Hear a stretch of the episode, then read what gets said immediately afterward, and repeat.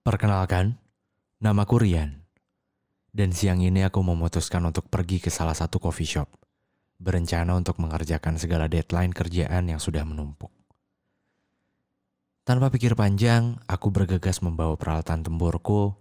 Kemudian aku memanaskan kuda hitam yang selalu setia menemaniku ke mana pun aku pergi. Ini terdengar sedikit berlebihan memang. Tapi kadang, kebanyakan lelaki, jika sudah terlalu lama sendiri, bisa lebih menghargai sesuatu yang berada dekat di sekeliling. Kendaraan atau barang-barang kepunyaan, dan teman-teman mendadak jadi kesayangan. Maka tak jarang, lelaki single lebih banyak menghabiskan waktunya bersama teman-teman. Namun, hal ini berbanding terbalik ketika sudah ada seorang wanita. Tak perlu dijelaskan Mungkin kamu sudah tahu jawabannya. Tanpa pikir panjang, aku membawa kuda hitamku menembus kemacetan ibu kota. Ini yang aku suka dari Bandung. Meski makin ke sini makin banyak kendaraan yang memadati jalanan, tapi setidaknya masih ada beberapa ruas jalan yang terdapat pohon besar seperti jalan Cipaganti. Setiap aku melintasi jalan ini, aku selalu berbicara dalam hati. Semoga kelak anakku masih bisa merasakan rimbunnya pepohonan di kota Bandung. Setidaknya di jalan yang sedang aku lalui ini. Meskipun entah kapan aku akan menjadi seorang ayah, karena calon ibunya aja masih belum tahu keberadaannya di mana. Tak butuh waktu lama, akhirnya aku sampai di salah satu coffee shop yang ada di kota Bandung, yang sudah menjadi langgananku. Saat aku datang, aku langsung disapa oleh barista yang sedang bekerja saat itu. Mungkin ini sudah menjadi SOP di coffee shop ini. Berperilaku ramah kepada setiap customer yang datang. Tak heran jika coffee shop ini hampir setiap harinya ramai. Meski tak jarang, beberapa orang yang datang harus pulang karena tak kebagian tempat. Meskipun demikian, hal ini tidak membuat customer menjadi kesal dan enggan untuk kembali lagi. Hmm, mungkin karena baristanya yang ramah kali ya. Yang aku suka dari tempat ini, meskipun ramai, masih ada tempat yang menurutku cukup nyaman untuk menyelesaikan kerjaanku. Jadi di sini ada walking space yang sengaja dibuat untuk orang-orang sepertiku. Oke, okay, ini saatnya aku memesan segelas kopi beserta makanan ringan yang nantinya akan menemaniku saat bekerja. Namun setelah memesan, ternyata pada hari itu aku sedang tidak beruntung. Tempat yang biasanya aku gunakan untuk bekerja ternyata sudah terisi. Aku mencari setiap sudut ruangan, siapa tahu masih ada tempat yang tidak terisi. Mataku tertuju pada satu tempat yang ternyata ada tempat yang masih kosong. Tempat itu tepat di dekat pintu masuk. Sejujurnya ini tempat yang kurang nyaman untuk bekerja. Namun karena sudah terlanjur memesan, akhirnya aku memutuskan untuk memilih tempat itu. Benar saja, setiap 15 menit ada aja orang yang berlalu lalang keluar masuk pintu. Dan suara pintu itu sedikit menggangguku dalam berkonsentrasi. Namun semakin lama aku mulai terbiasa dan aku sibuk dengan segala urusanku yang harus aku selesaikan. Sampai pada suatu ketika konsentrasiku mulai tergoyahkan ketika ada seorang wanita yang berkata, Maaf mas, tegur dia. Tak lama kemudian mataku langsung mencari sumber suara itu dan dia berdiri tepat di sampingku di depan pintu itu. Oh iya teh, ada apa? Jawabku. Aku mau masuk, tapi gak bisa. Tanya wanita itu. Aku sempat bingung dan sampai akhirnya aku menoleh ke bawah. Ternyata tas yang kubawa menghalangi wanita ini yang ingin masuk ke coffee shop itu. Dengan penuh malu bercampur panik, aku langsung menarik tasku dan meminta maaf kemudian mempersilahkan dia masuk. Oh iya teh, maaf, silakan. Makasih mas, jawab dia sambil tersenyum seolah menertawakanku. Sungguh aku benar-benar malu saat itu. Rasanya aku ingin langsung berkemas untuk segera pergi dari tempat itu. Namun masih ada beberapa kerjaan yang harus aku selesaikan. Selang beberapa menit, suara pintu itu terbuka dan suara yang sama terdengar kembali. Maaf mas. Sontak aku langsung melihat ke arah tasku karena aku takut tasku menghalangi wanita itu untuk kedua kalinya. Namun ternyata tidak ada yang menghalangi. Kemudian aku menoleh ke arah wanita itu dan bertanya. Iya teh, kenapa? Tanyaku. Kemudian wanita itu tersenyum manis dan berkata, Enggak kok mas, tasnya enggak ngalangin. Cuma saya mau nanya, boleh saya ikut duduk di depan mas? Karena kursi yang kosong cuma itu. Tanya dia sambil menunjuk kursi yang ada di depanku. Aku langsung melihat di sekeliling untuk memastikan bahwa memang tidak ada lagi tempat yang kosong. Dan ternyata benar hanya kursi di depanku yang masih kosong. Tak perlu waktu lama, aku langsung mempersilahkan dia duduk. Oh iya teh boleh. Sebentar saya rapin dulu ya barang-barang saya. Iya, ketika sedang bekerja, aku kadang suka tidak sadar meletakkan barang-barang di sekelilingku. Mungkin ini menjadi salah satu alasan kenapa kamarku selalu berantakan. Entah kenapa setelah wanita itu duduk di depanku, aku mendadak jadi kurang konsentrasi. Bukan, bukan. Bukan karena aku malu, karena tadi terlihat salah tingkah ketika tasku menghalangi dia masuk. Namun ini seperti sesuatu yang sudah lama hilang, kemudian kembali lagi saat ini.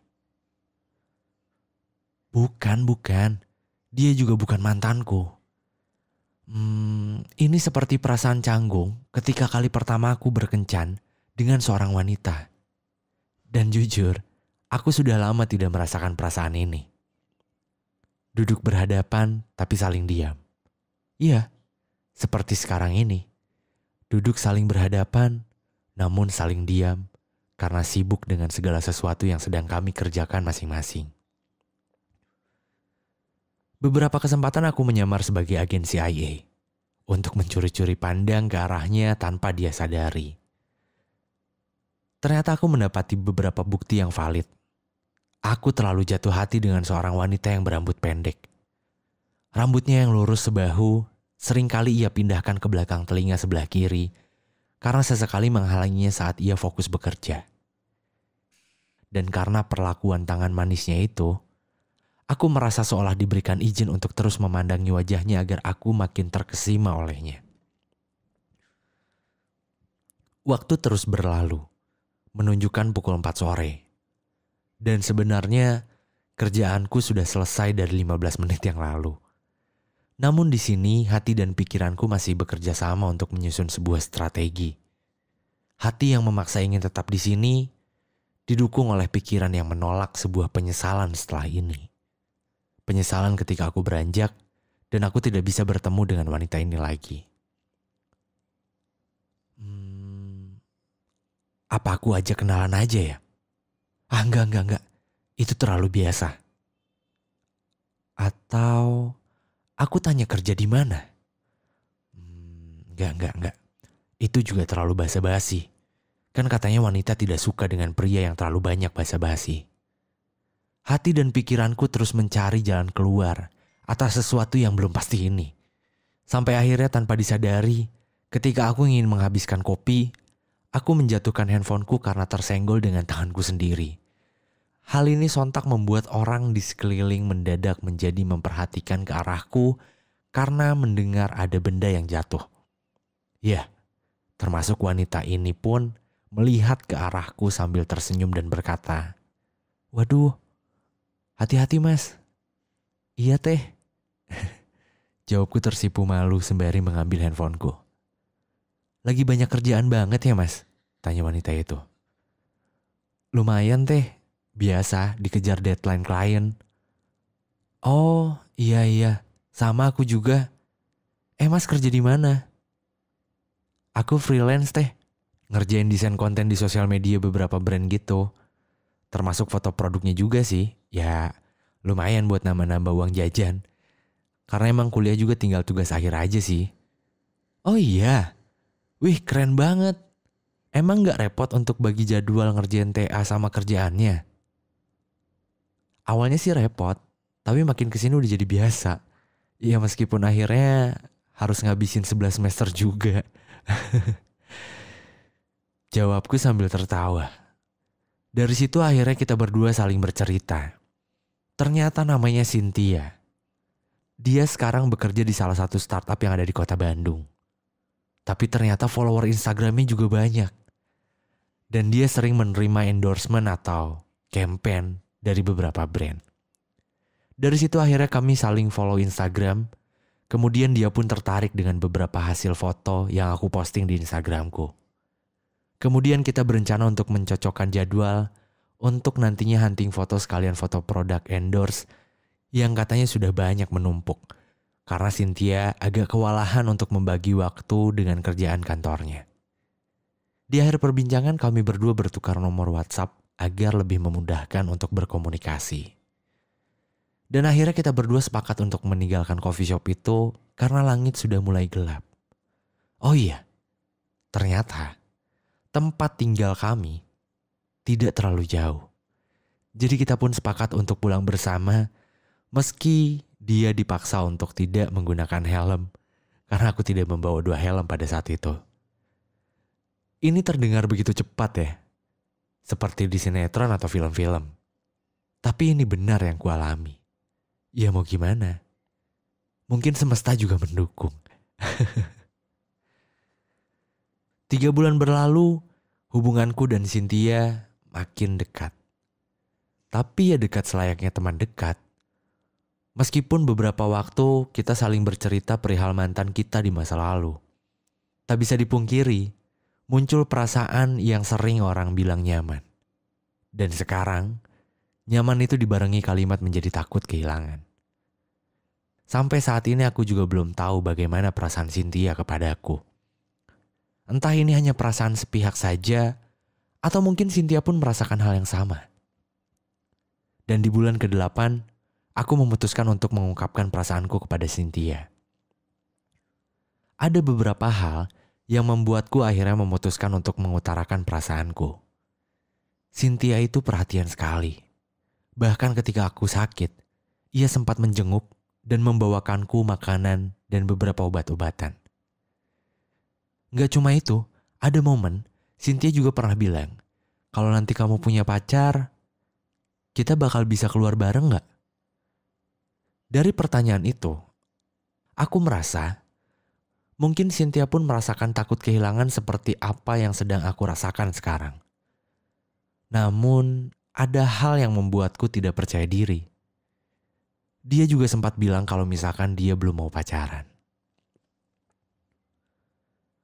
Akhirnya aku mengajak dia ke sebuah tempat di dataran tinggi untuk menikmati city light di daerah dagu atas. Aku tahu betul Cynthia senang sekali melihat City Light. Katanya, sesuatu yang dekat dengan kita kadang ya hanya terlihat biasa aja. Tapi kalau sesuatu itu dilihat dari jarak yang jauh, ternyata indah juga ya. Dan dari kalimat yang pernah Cynthia katakan itu, dia menjadi lebih belajar tentang bersyukur dari apa yang sedang dia miliki sekarang. Karena mungkin ketika sudah kehilangan sesuatu itu, nantinya sesuatu itu akan menjadi indah. Sesampainya di sana, aku dan Cynthia memesan beberapa minuman untuk menghangatkan tubuh dan beberapa makanan agar mengisi perut yang kosong setelah aktivitas seharian. Di sela-sela menunggu pesanan datang, aku dan Cynthia menanyakan beberapa pertanyaan yang biasanya sering ditanyakan di awal perbincangan. Gimana kerjaan tadi? Seru. Tanyaku sembari tersenyum penuh penasaran. Ya lumayan gitu. Tadi pulang agak telat karena harus meeting dulu. Ya soalnya kan bakal ada investor baru. Jawab dia sembari lesu. Wah bagus dong. Kok malah lesu? Ya satu sisi sih pasti seneng. Tapi satu sisi lagi itu artinya tanggung jawab bakal nambah lagi kan.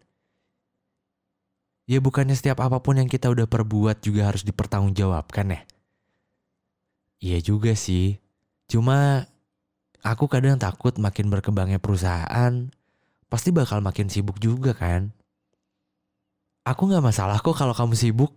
Lontaran pernyataanku dengan nada bercanda. Apa sih kamu emang paling bisa ya bikin orang ketawa?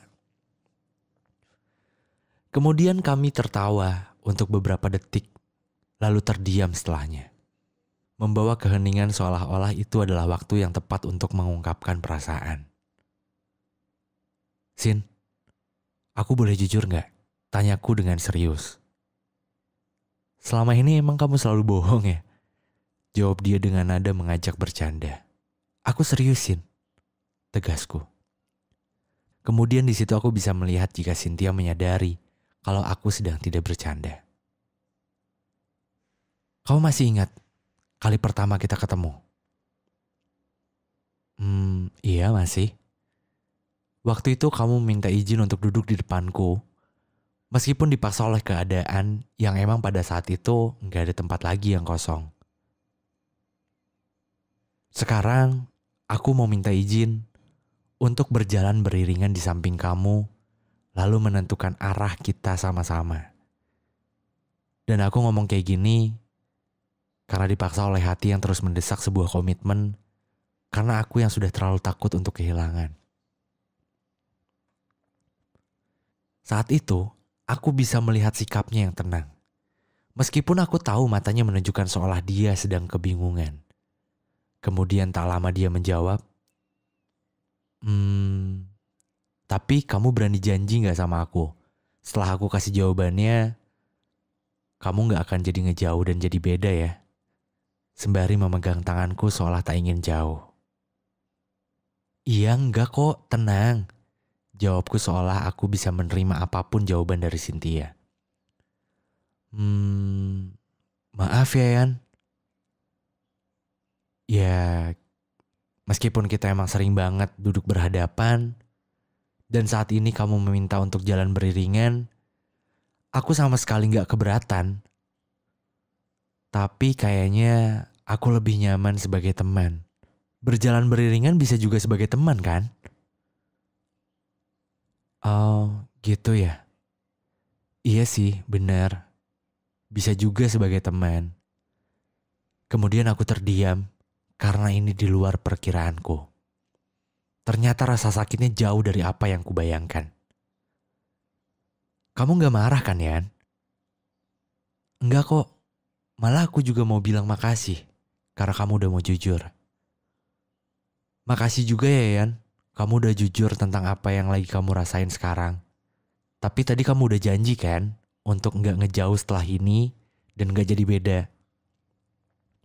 Enggak kok, ini buktinya aku masih ada di depan kamu kan? Jawabku berusaha untuk mencairkan suasana. Tak lama setelah itu akhirnya makanan dan minuman yang sudah dipesan datang juga. Kemudian kita menghabiskannya, meski setelah itu kita menjadi canggung satu sama lain. Dan tidak banyak kalimat yang keluar dari mulut kita masing-masing. Jam menunjukkan pukul 10 malam. Dan udara di sana sudah mulai dingin. Aku memutuskan untuk mengajak Cynthia pulang. Namun Cynthia menolaknya dan meminta perpanjangan waktu untuk tetap tinggal di tempat itu. Aku pun mengiyakan karena jujur aku pun tidak ingin cepat pulang. Tapi saat itu aku sudah hampir kehabisan kata untuk memilih topik yang biasanya akan kita bahas. Penolakan yang dilakukan oleh Cynthia ketika aku mengajak untuk pulang pada saat itu cukup membuatku bertanya-tanya dalam hati. Seharusnya dia tidak menolak ketika aku ajak pulang. Karena dia sudah menolakku. Untuk apa kita berdua harus tetap berhadapan dengan keadaan yang canggung? Tidak hanya itu, setelah ia menolak ajakanku untuk pulang, dia sepertinya lebih sering melihat ke arahku daripada melihat pemandangan yang ada di sekitar. Kebalikan dari Cynthia, rasanya aku sudah tak sanggup untuk melihat ke arah Cynthia karena aku takut akan ada yang keluar dari mataku. Dan aku gak mau Cynthia melihat itu. Aku gak mau nantinya dia akan merubah jawabannya hanya karena kasihan. 20 menit berlalu, akhirnya ada kalimat yang keluar dari mulut Cynthia yang menjawab dari kebingunganku saat dia menolak ajakanku untuk pulang. Kamu tahu kenapa aku gak mau pulang dari sini? Karena kamu masih mau lihat City lagi ya? Bukan, jawab dia dengan tegas. Terus? Tanyaku sembari penasaran. Karena aku tahu setelah nanti kita pulang, kamu pasti bakal ngilang. Meskipun kamu tadi udah bilang gak akan ngejauh dan gak akan jadi beda. Dan aku gak mau itu. Saat itu aku benar-benar tidak tahu apa yang harus aku katakan kepada Cynthia. Aku cuma bisa tertunduk dan semakin bingung. Kalau memang dia takut akan hal ini, kenapa dia tidak mencoba untuk menerimaku? Seolah tak membiarkan aku untuk berpikir. Tak lama dari itu Cynthia langsung berdiri dan berkemas kemudian mengajakku untuk pulang. Ya udah deh kalau gitu kamu benar. Udah malam. Pulang yuk. Lagi-lagi mulutku seolah terkunci. Kemudian aku mulai berkemas dan berdiri. Lalu kita berdua berjalan menuju ke parkiran. Di perjalanan pulang aku merasa Cynthia seolah menjaga jarak ketika duduk di motor. Tak seperti biasanya, posisi duduk Cynthia berubah meski hanya sejengkal. Mungkin sekarang hanya sejengkal, tapi setelah nanti dia turun dari motor, akan menjadi lebih jauh dari ini. Mungkin. Benar saja, setelah kejadian malam itu, komunikasi aku dan Cynthia tidak lagi sedekat dulu. Dan bahkan kita berdua sudah tidak saling menghubungi. Aku yang mungkin terlalu bingung dan canggung untuk memulai perbincangan. Dan dia yang mungkin di posisi yang serba salah jika harus menghubungi aku lagi. Jika waktu bisa diulang, kalau tahu akhirnya akan begini, aku ingin lebih memanfaatkan waktu untuk bisa berlama-lama dengan dia saat dia menolak ajakanku untuk pulang. Seharusnya aku bisa bersikap lebih ramah seperti barista di coffee shop, tempat di mana aku dan Cynthia bertemu. Menyapa hangat saat datang dan memberi salam saat pulang. Meski kadang ketika sudah di dalam, ada beberapa hal yang tidak sesuai dengan yang diharapkan. Salah satunya mungkin tidak kebagian tempat duduk. Atau mungkin ada barang yang tertinggal yang memaksa harus pulang dulu. Dengan ucapan salam yang hangat ketika pergi, mungkin itu akan membuat seseorang untuk datang kembali tanpa pernah merasa tersakiti.